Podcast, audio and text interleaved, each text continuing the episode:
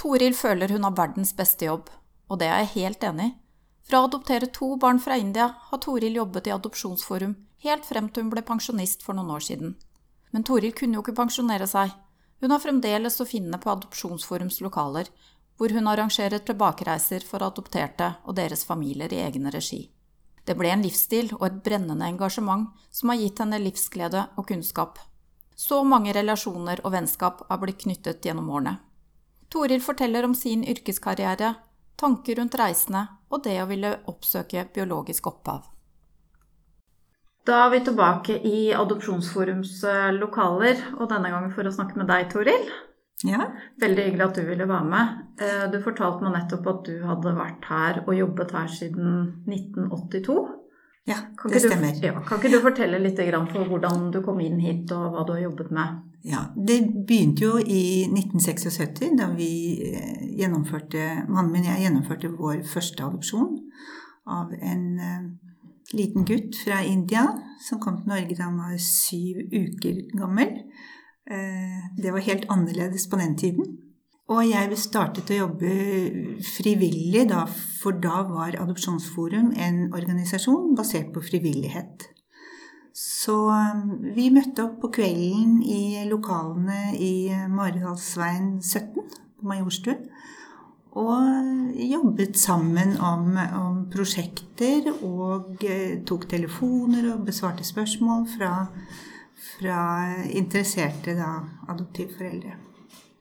Så i 1982 så, så um, jo, fikk Adopsjonsforum et sekretariat, og det ble et, et, etablert et kontor med ansatte. Da hadde jeg i mellomtiden fått to barn til. Eh, en adopsjon fra India i tillegg til den vi hadde fra før, og et eh, barn som jeg da fødte selv. Det ble da ansatt en saksbehandler på India som dessverre var utsatt for en ulykke i India i august 1982, og jeg ble da spurt om jeg kunne vikariere fordi at jeg gjennom de prosjektene som jeg hadde jobbet med, kjente kontaktnettet. Så da begynte jeg å jobbe en dag i uken, og så ble jeg jo bare her. Og sånn ble det. Og det ble eh, på en måte mitt uh, yrkesaktive liv helt fram til 2015. Og fra spede begynnelsen i Adopsjonsforum, så vokste dere vokste jo ganske raskt? Ja, vi vokste, vokste raskt. Og vi hadde jo Vi hadde Det ble jo vi, vi startet vel som en eh, seks-syv ansatte da i 82. Og fram til i 2013 så var vi 26 ansatte som var, var det meste. Eh, hvorpå nå så er man tilbake på ni-ti stillinger her i Adopsjonsforbundet. Jeg vet jo at du per i dag driver med hente, nei, tilbakereiser. Ja. Men eh, på den tiden, hvordan kunne en vanlig uke se ut for deg på jobb? Det var jo eh, Jeg var eh, saksbehandler, og siden ble vi adopsjonskonsulenter. Men som saksbehandler så, så, eh, jobbet vi jo med henvendelser fra interesserte som ønsket å adoptere. Jeg jobbet, har hele tiden jobbet med India, men jeg har også jobbet med flere andre land som Etiopia, Filippinene, Sri Lanka, Nepal. Men, men hele tiden med, med India. Og Ettersom jeg selv hadde adoptert fra India, så var det jo det på en måte som sto mitt hjerte nærmest.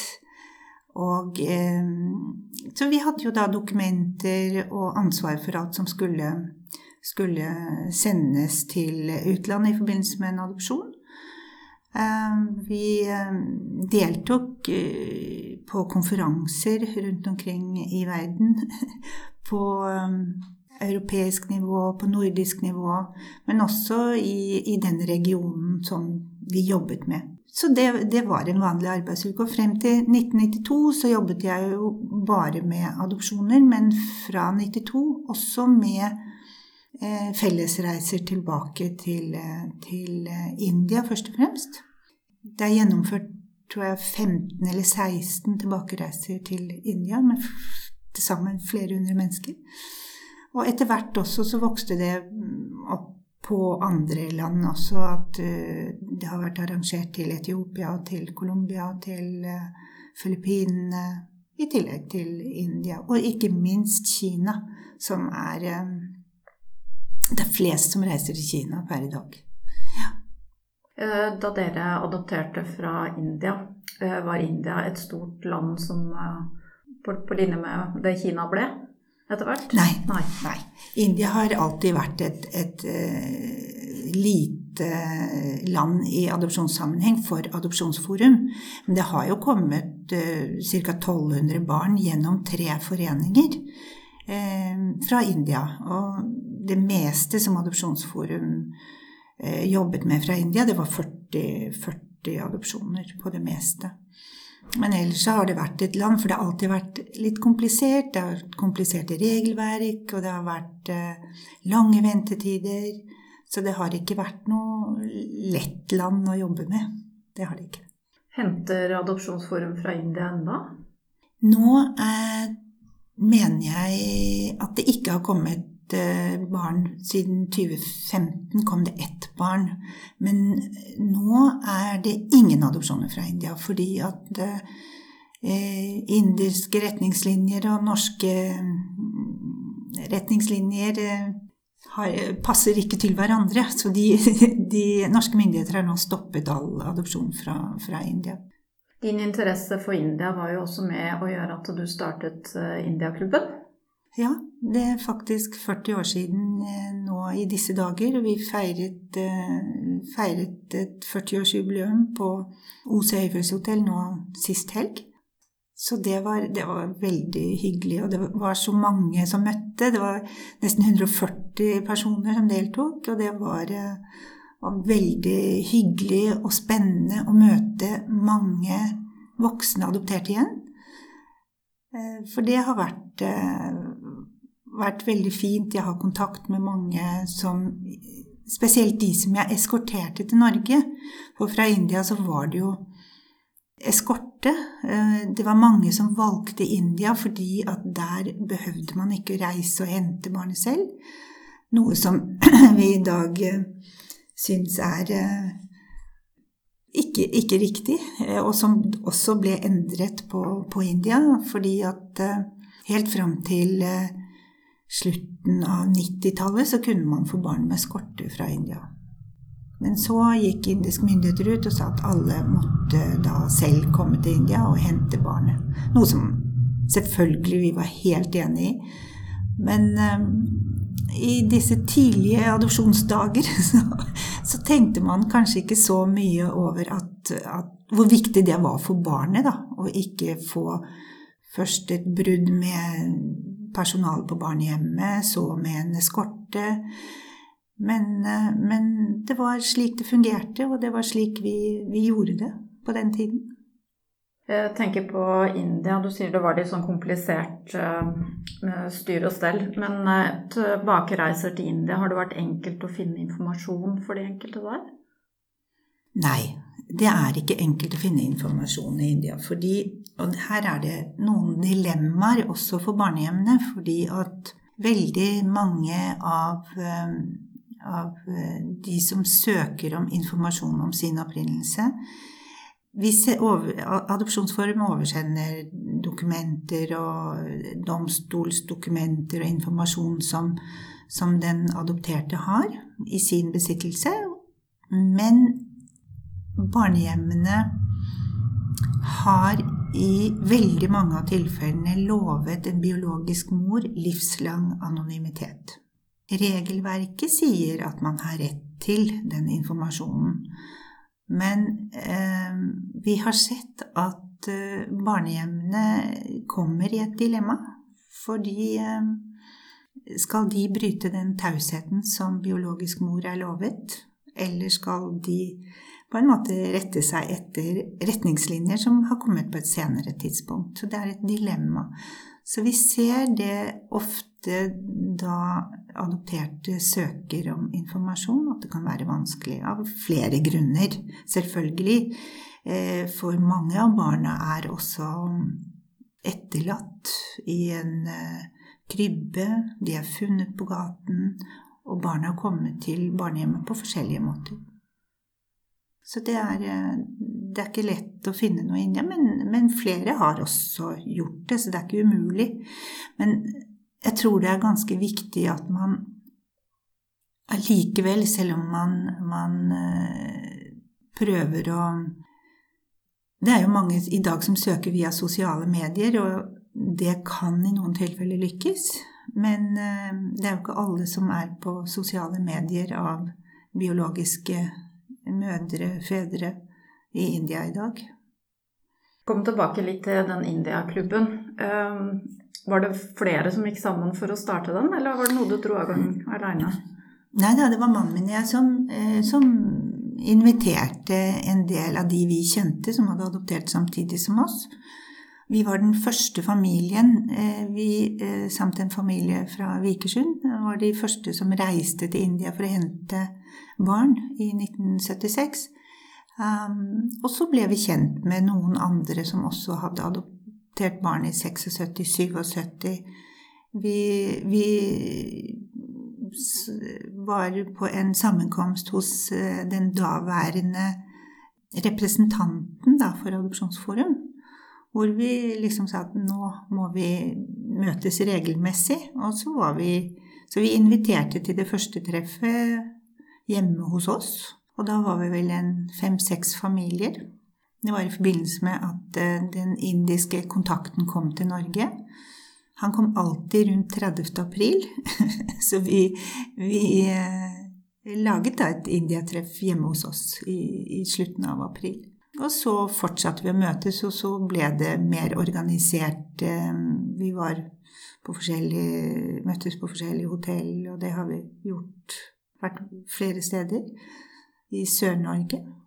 Og, og, så ble det mer, mer Etter hvert så fikk vi et styre, vi fikk eh, retningslinjer, hvordan vi skulle gjøre det, og så har det vokst. Og på det meste på midten av 90-tallet så kunne vi være opptil 200 mennesker på, på et treff uh, i, i regi av Indiaklubben. Er Indiaklubben blitt en sånn familiegreie, eller er det bare de adopterte som stiller opp på sånne møter? Det er en familie, og, og nå er det endret til at alle som har en tilknytning til adopsjon fra India, kan, kan melde seg som medlemmer i Indiaklubben. Og nå er det jo Facebook-side, det er hjemmeside, og det som var veldig morsomt nå, var jo at det kom mange voksne eh, som ikke hadde vært på treff siden de var barn, sammen med sine foreldre, men som nå kom alene eller sammen med sin familie. Og de sa det at å, vi visste ikke at det var så hyggelig, vi visste ikke at det var sånn. Vi kommer igjen neste år. Det er veldig hyggelig å høre. Så jeg håper virkelig at Indiaklubben kommer til å bestå, for det er en møteplass hvor man kan utveksle meninger, man blir kjent med nye mennesker, man kan pleie gamle vennskap. Og det er Jeg tror det er viktig å ha møtesteder hvor man kan eh, ha det felles, da, at man er adoptert, og ha den felles interessen for det landet man, man kommer fra. Hva har den klubben betydd for deg og barna dine? Barna våre, de, de var med de var sånn 16-17-18, og siden så har ikke de hatt så veldig stor interesse av Indiaklubben, og det er jo det som ofte skjer, at man, man reiser som familie til sånne steder, og så får barna, venner og andre interesser. Men eh, jeg har vært med nesten hver gang. Jeg antar også når du har så stor interesse for India at du har vært der kanskje opptil flere ganger? Ja, det kan man si. Jeg har vel Ja. Jeg har vært der uh, mye. Mm. Gjennom mange år. Gjennom alle disse årene. Helt fra 1980, som jeg begynte å reise regelmessig, så har jeg vært der ofte flere ganger i året. Mm. Og skaffet da mange kontakter som du har jobbet med her på Adopsjonsforum, antar jeg? Ja. Mange kontakter, mange flotte mennesker som har blitt eh, nære venner. Utrolig mange flotte, sterke kvinner som har jobbet i dette feltet. som har, har, virkelig stått på for å bedre både kår for, for biologiske mødre, for adopterte, og jobbet fram også dette med at i dag så er faktisk innenlandsadopsjoner i India en suksesshistorie. Jeg husker godt i begynnelsen da vi jobbet på India, hvor, hvor eh, vi hørte om familier som ønsket å adoptere. Eh, da ønsket de å adoptere stort sett gutter. Lyse som, eh, lysest mulig. Og jenter var liksom ikke, ikke aktuelt, nesten, for en familie. Til per i dag så adopteres det flere jenter enn gutter i India. Og det er jo fantastisk. Og, og ikke minst også dette med at, um, at de har mange, mange innenlandsadopsjoner i India i dag. Men selvfølgelig um, Det er mange barn på barnehjem um, som også burde få familier. Men som ikke blir på en måte valgt, om jeg så skal si det, si det slik, da. Eh, at eh, de kan få da en, en, en familie. For det er ikke så mye fosterfamilieordning i India, eller? Nei, Nei. det er det ikke. Dessverre. Eh, der ser man jo en markant forskjell på f.eks. India og Kina, som har mange fosterfamilier, og mange andre land også, som det adopteres barn fra, har, har et foster, fosterhjemssystem som, som fungerer veldig bra. Det er ikke tilfellet i India. Så begynte du etter hvert også eh, å jobbe med tilbakereiser. Ja. Hvordan fungerte det først og fremst her på Adopsjonsforum da når du jobbet her? Vi var to stykker som, som delte verden mellom oss. Bjørg Øvstedal, som jobbet i mange, mange år på Colombia og på Sør-Amerika, hun hadde den delen av verden, og jeg hadde Asia. Um, så første reisen tilbake i 1992 ble jo utrolig spesiell. Fordi det var i desember 1992 hvor en stor, en stor Ayodhya-moskeen utenfor Agra ble revet av nasjonalistiske hinduer. Og vi kom midt oppi det med første gruppen. Det var 38 mennesker, store og små. Um, det var første gruppen som, som da ble arrangert eh, gjennom Adopsjonsforum. Og um, vi kom til, eh, til, Delhi og fikk beskjed om at vi kunne ikke reise til Agra, for der var det, var det angrep på, på, turistbusser, så vi måtte bli i Delhi. Vi, fikk, vi kom liksom ingen steder. Til slutt så kom vi da til eh, Fikk vi lov til å reise til Bombay, og kom til Bombay hvor det var da unntakstilstand. Det var eh, busser, biler som brant i gatene. Det var eh, Vi ble holdt tilbake på flyplassen i flere timer, men kom oss etter hvert inn til hotellet, hvor det var blendingsgardiner. Og alle spurte hvorfor er det, hvorfor er det sånne gardiner. Og den andre reiselederen som jeg reiste sammen med i mange år, Eli Rusdal, hun vi, vi eh, sa Prøvde helt avslappet å si nei, nei, det er bare det, det, er, det, er, ingenting. Det er sånn det er her. Neste dag så tok de vekk de svarte gardinene, og da sa vi bare at uh, de skal sikkert på vask. Fordi at det var så urolig, og gruppen, barna, ble urolig. Vi ble Fikk ikke gå ut. Eh, så vi arrangerte jo da disko på taket, da, på et sånn skjermet tak på hotellet, for å finne på noe med barna. Og eh, Eli og jeg, vi løp jo rundt for å ordne, prøve å avbestille, ombestille billetter, og det var ganske dramatisk. Dramatiske dager i, i Bombay. Og til alt eh, overmål da, så ble det streik på um, Indian Airlines, som vi skulle videre til Goa, hvor vi skulle ha late og gode dager. Og eh, vi måtte da kjøre buss til, fra Bombay til Goa. Det tok 36 timer i en gammel, humpete buss. Og kom fram til et forferdelig hotell, så vi måtte bytte hotell. Det var en, en dramatisk reise. Så satte de inn Dette var jo like før jul, det var i desember 92. Like før jul. Og eh, det var fremdeles streik, og ingen hadde lyst til å reise med buss tilbake til Bombay.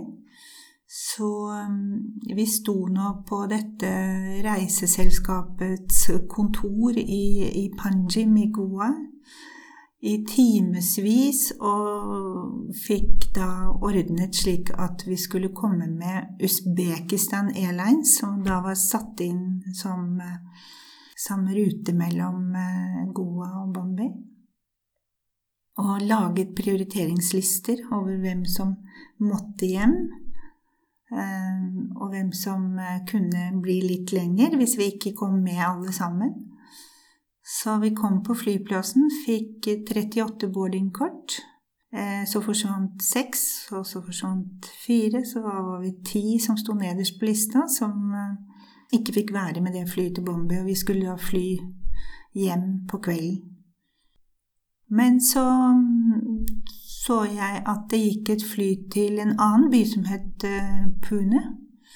Og jeg visste at hvis vi kunne komme dit, så ville vi kunne rekke et tog som gikk til Bombay. Og så vi var ti stykker da som reiste med flyselskapet Go Away fra Goa til Pune. Og det viste seg å være en gammel norsk eh, flymaskin fra 1950-årene, fra Fred Olsen. For det sto på norsk i eh, festsikkerhetsbeltet, og det var altså en, en, fantastisk tur som vi hadde da fra Goa til Pune. Et lite propellfly med alle rettigheter. Og så rakk vi da et tog til Bombay og kom hjem alle sammen med det flyet vi skulle. Men det var, eh, det var en utrolig dramatisk tur. Og Eli Rustad og jeg, vi sa det at klarer vi dette, så klarer vi alt. Så siden så fortsatte vi to disse reisene helt fram til 2012 eh, hadde vi den siste reisen sammen. Innimellom der så hadde det vært noen reiser som jeg tok alene. Men da var det mange med på reisene, så det var jo nødvendig at vi var, var to personer som, som, håndterte dette i India. Det har vært mange spennende, fantastiske reiser. Og for meg så har det vært flott å kunne reise tilbake med, med barn som jeg har eskortert til Norge. Det har vært en, en sånn sirkel som har vært sluttet, og som har vært helt eh, fantastisk å oppleve. Det, det, har vært helt utrolig, egentlig, at det har vært mulig. Mm. Disse tilbakereisene, er det hensiktsmessig å få oppleve landet, eller er det også det her med biologisk opphav, at noen har lyst til å finne litt mer ut av ting? Ja. Eh, det har vært begge deler. Men reisene blir på en måte eh, så det her med biologisk opphav, at noen har lyst til å finne litt mer ut av ting? Ja. Eh, det har vært begge deler. Men reisene blir på en måte, på en måte promotert som en, en, en, reise for å bli kjent med landet. Og det er det lagt eh, vekt på. Eh, er man over 18 år, så har man jo rett til, eh, ifølge norske regler, å få vite mer om sin opprinnelse. Det er ikke bestandig det fungerer slik i India. Men for de som har ønsket å, å, å søke opplysninger, så oversender vi på forhånd da de relevante dokumenter som finnes i Norge, til barnehjemmet. Og så blir det jo da opp til barnehjemmet om, om de har opplysninger i det hele tatt, eller om de Vi har jo også sett at, at enkelte barnehjem ikke ønsker å dele alle opplysninger med den adopterte. Noe som kan være konfliktfylt og vanskelig for den som er adoptert. Jeg har virkelig stor respekt for hver og en adoptert som søker sin opprinnelse. Og at det er et behov. Vi ser jo også veldig store forskjeller hos adopterte med om de ønsker dette eller ikke.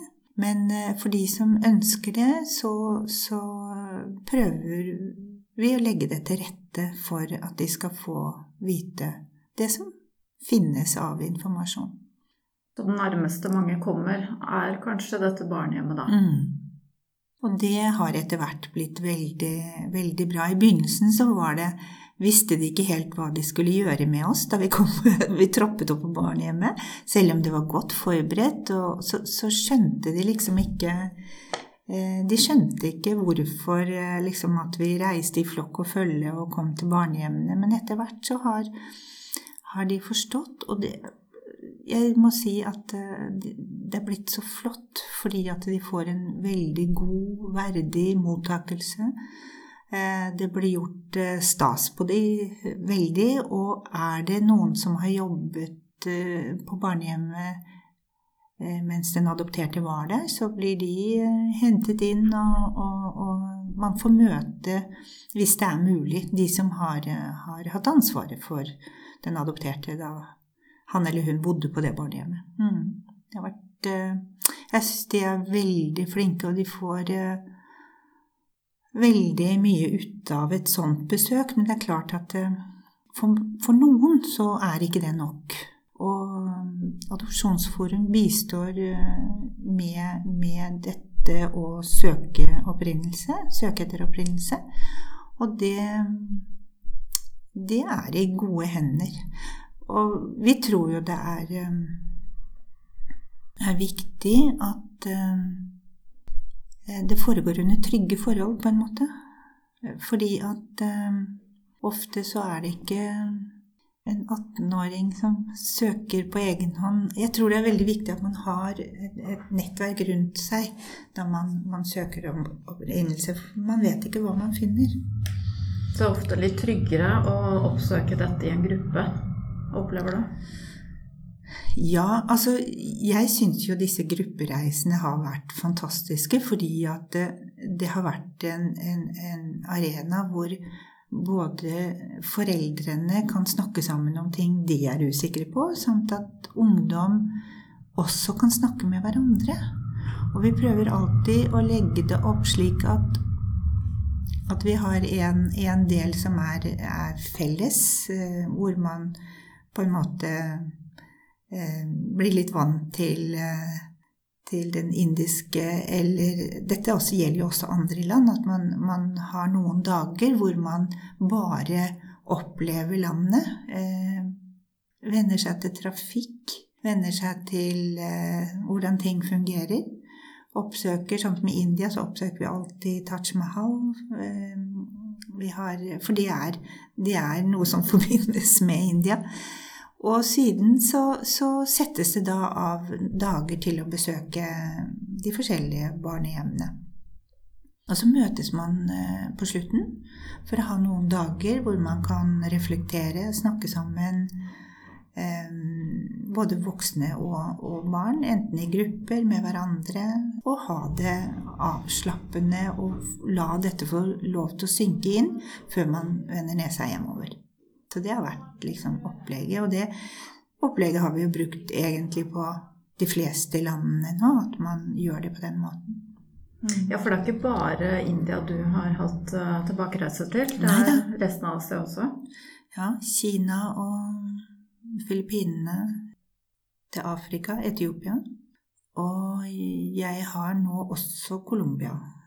Så, så det er mange land som som jeg jobber med nå for å tilrettelegge. Så jeg har et nettverk da, som jeg samarbeider med, et reisebyrå i, i Oslo.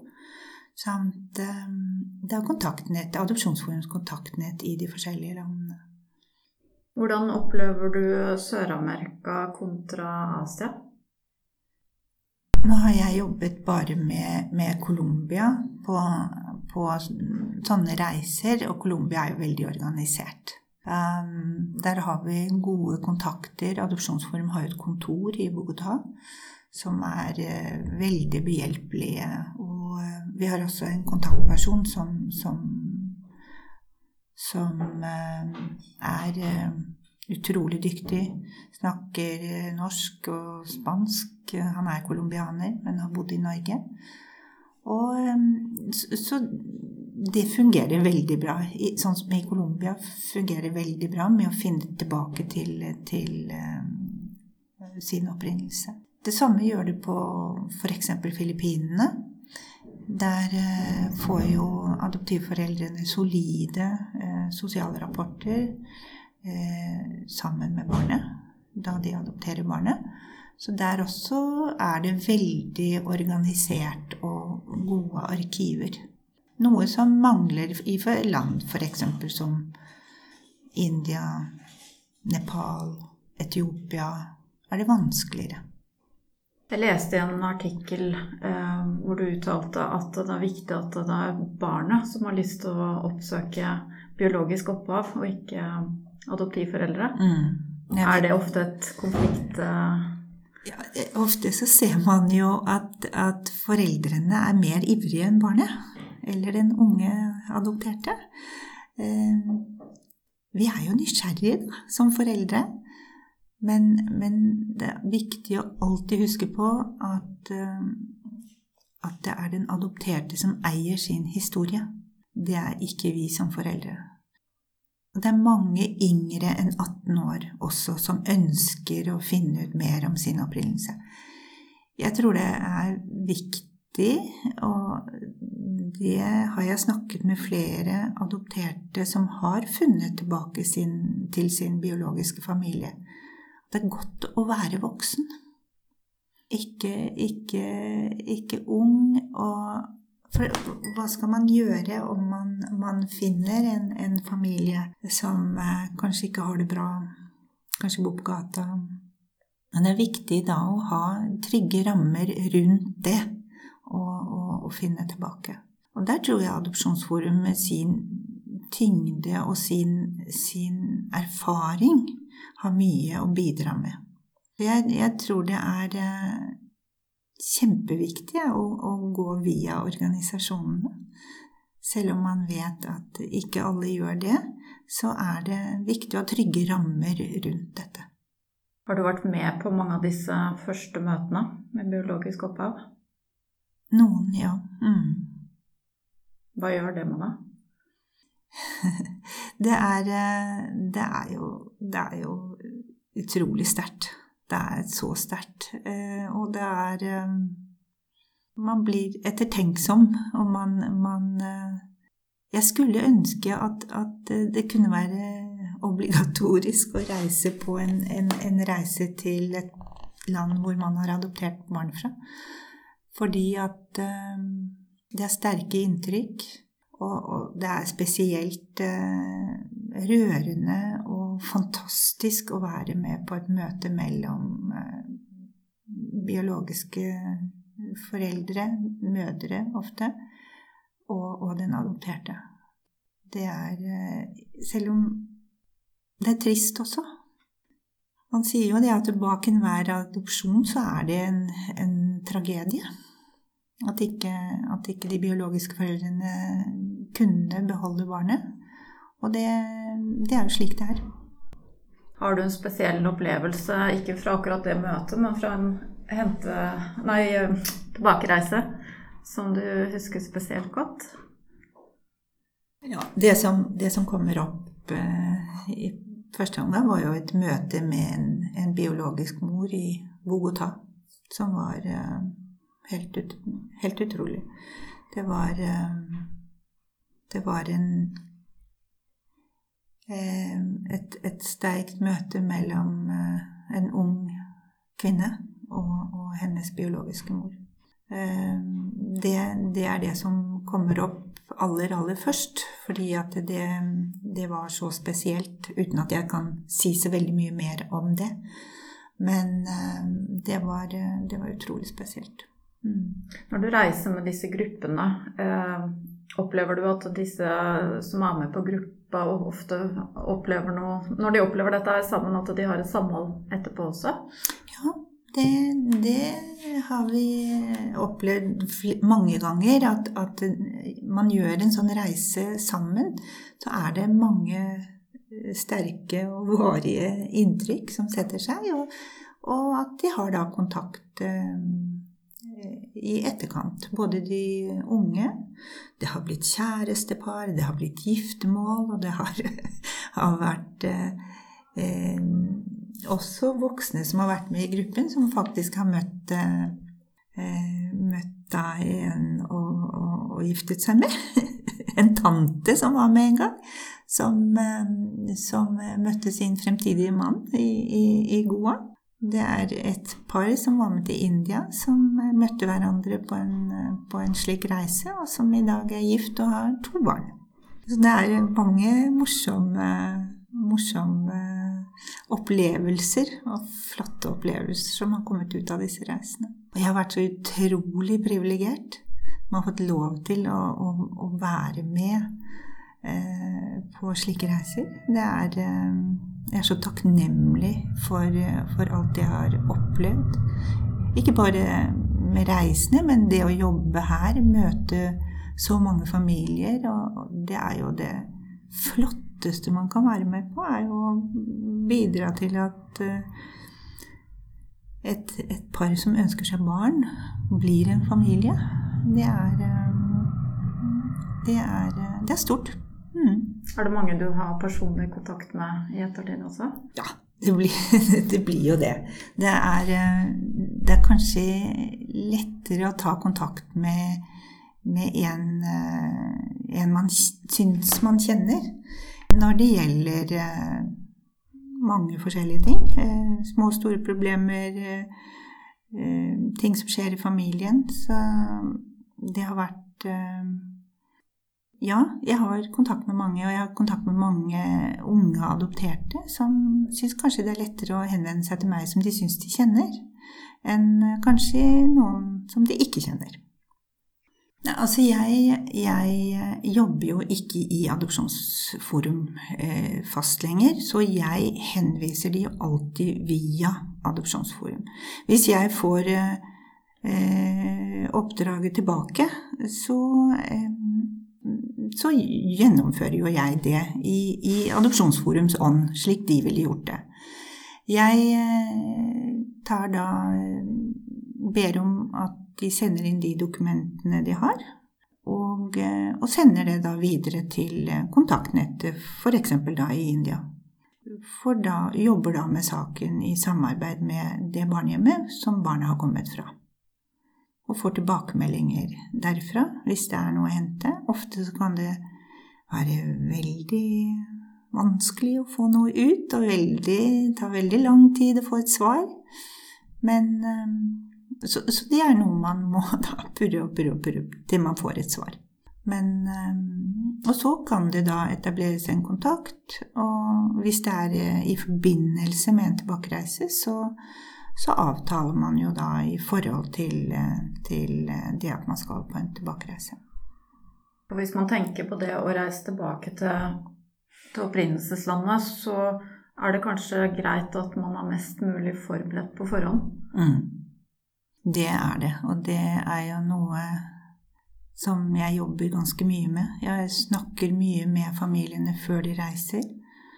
Og eh, sender jo vanlig skriftlig informasjon. Og har, eh, hvis det er mulig, så har vi eh, hatt møter hvis det er folk fra Oslo-området. Så har vi møter på forhånd og samles for å, for å dele kunnskap og informasjon. Mm. Er det ofte sånn da at man også tar kontakt med biologisk familie før man vender tilbake, eller skjer det der nede? Hvis det, er, hvis det er mulig, eh, f.eks. sånn som i Colombia, så forberedes jo alt det på forhånd. Og det er derfor så Hvis man tenker på en, en reise, så er det viktig at man begynner i god tid før, før man skal på en reise, med å, å forberede. For det tar tid å søke opp informasjon.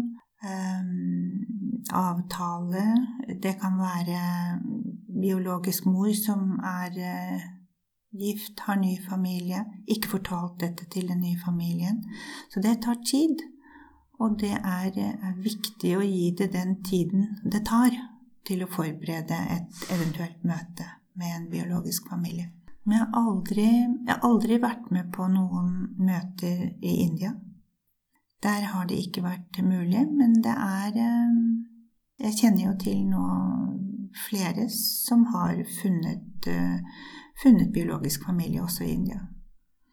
Jeg tenker også i forhold til det å møte biologisk opphav er jo én ting, men det å komme tilbake til landet for mange av disse mm. eh, Ser du også at det gjør noe spesielt med den enkelte? Å ja. Det er eh, Det vil prege deg resten av livet at du går gjennom eh, gatene i Bombay eller Calcutta og alle tiggerne, alle barna, alle barna som bor, sover på gaten det er klart det gjør noe med deg.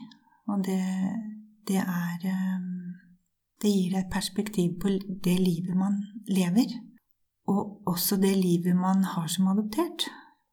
For det har eh, vært litt spesielt, syns jeg. Vi har reist da på eh, to, kanskje to og en halv uke på forskjellige steder, opplevd masse fint, vondt, sårt, vanskelig men også så mye glede.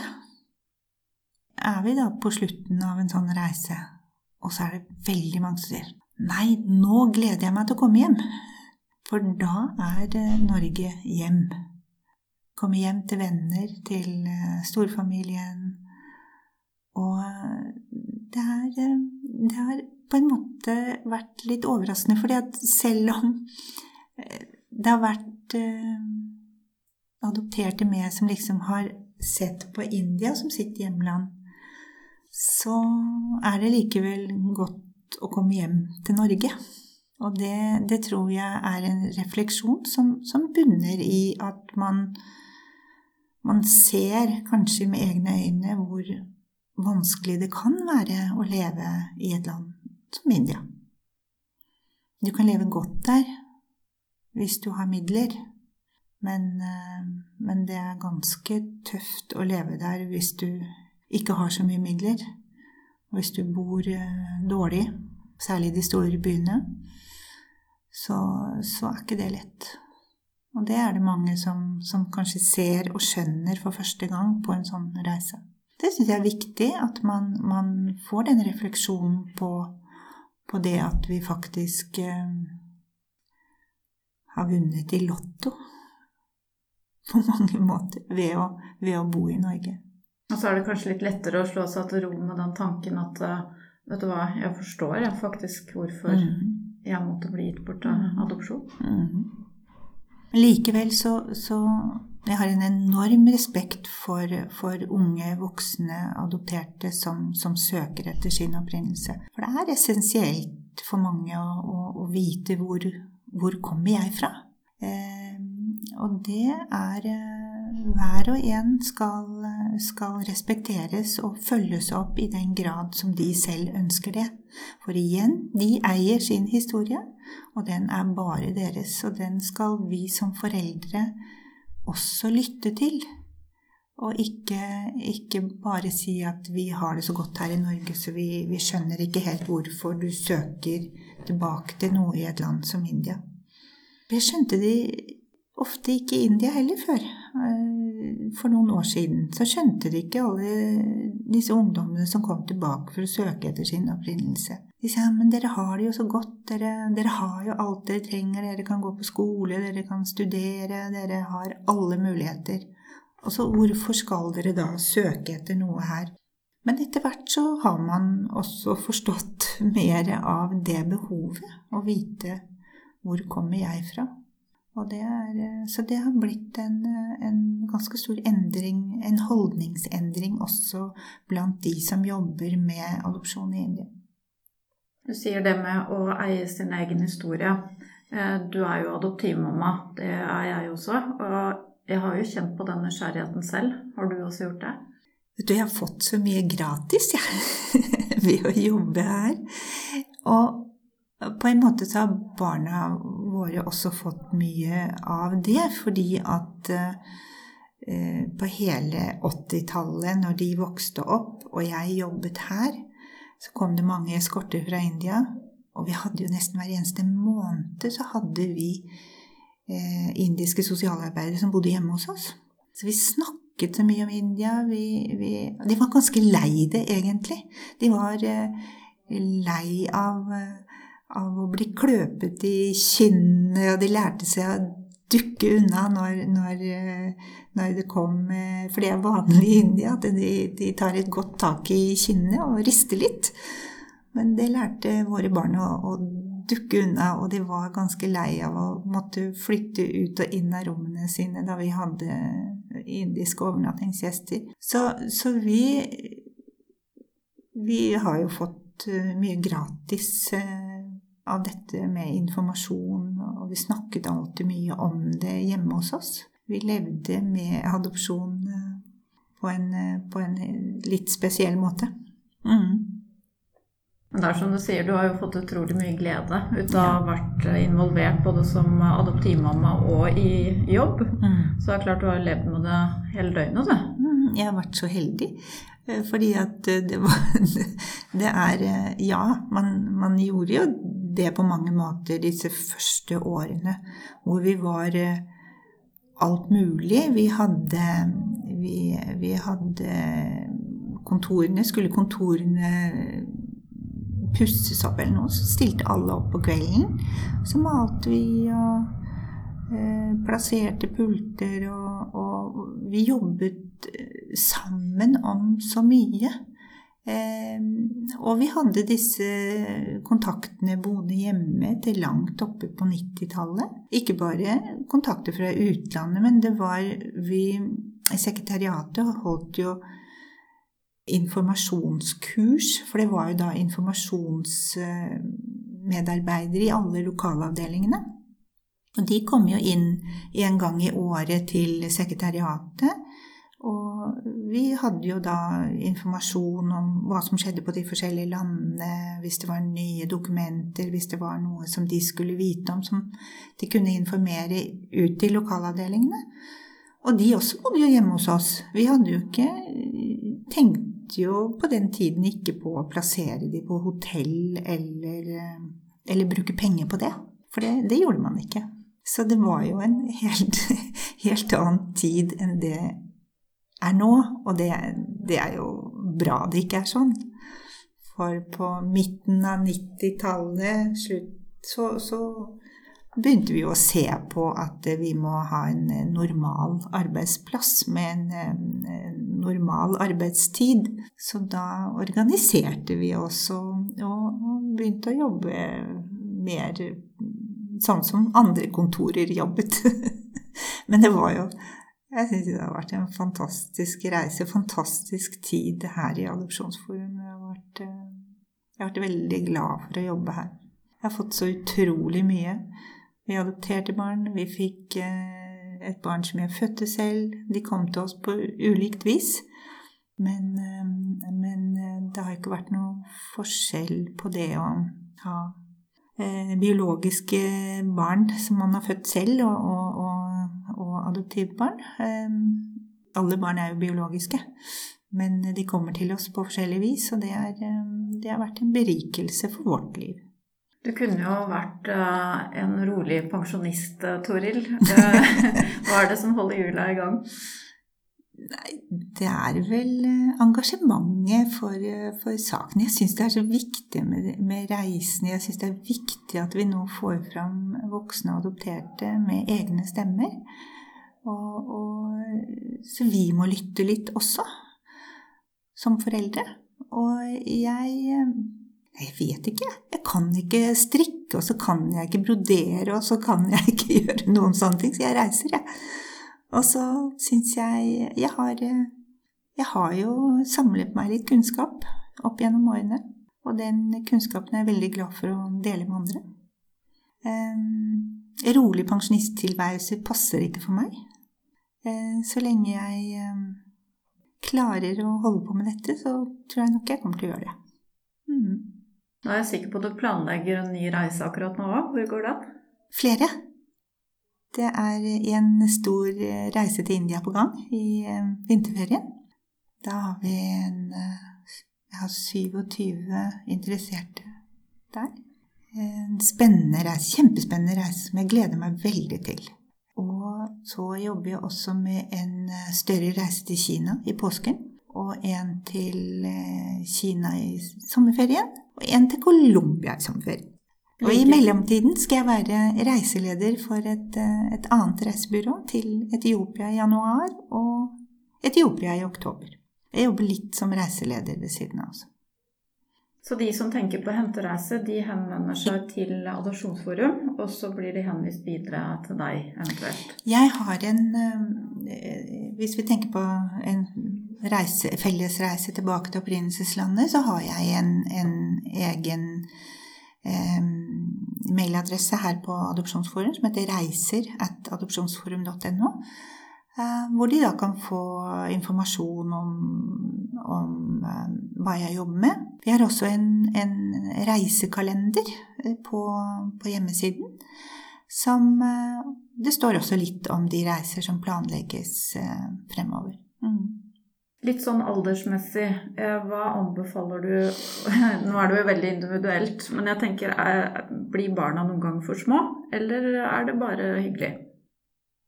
Ja, så eh, Det spørs hva familien tenker som nytteverdien av en sånn reise. Er man, reiser man på tur til et eh, spennende land, så, så er det jo for så vidt ikke noe nedre aldersgrense, men det er klart at man man reiser vel kanskje ikke på en sånn reise med helt små barn. Ehm, jeg syns alltid det er vanskelig eh, å si noe om hvilken aldersgruppe som, som eh, har best nytte av en sånn reise, for det kan være så forskjellig. Men det er én ting jeg alltid sier, og det er at man skal reise da det er fred i heimen. Fordi at å reise med ungdom som er eh, i opposisjon til det meste, det er ikke lett. Eh, så enten før en pubertet, eller, eller, eh, kanskje man da burde vente litt. Men hver og en familie kjenner sine barn, så jeg syns at det er noe som jeg overlater til familiene. Jeg sier hvilke erfaringer jeg har, og så får man velge ut fra de, sine egne barn som foreldrene kjenner best. Mm. Da vil jeg si tusen takk for at du tok deg tid, og ønske deg lykke til på videre reiser. Ja, tusen takk for det.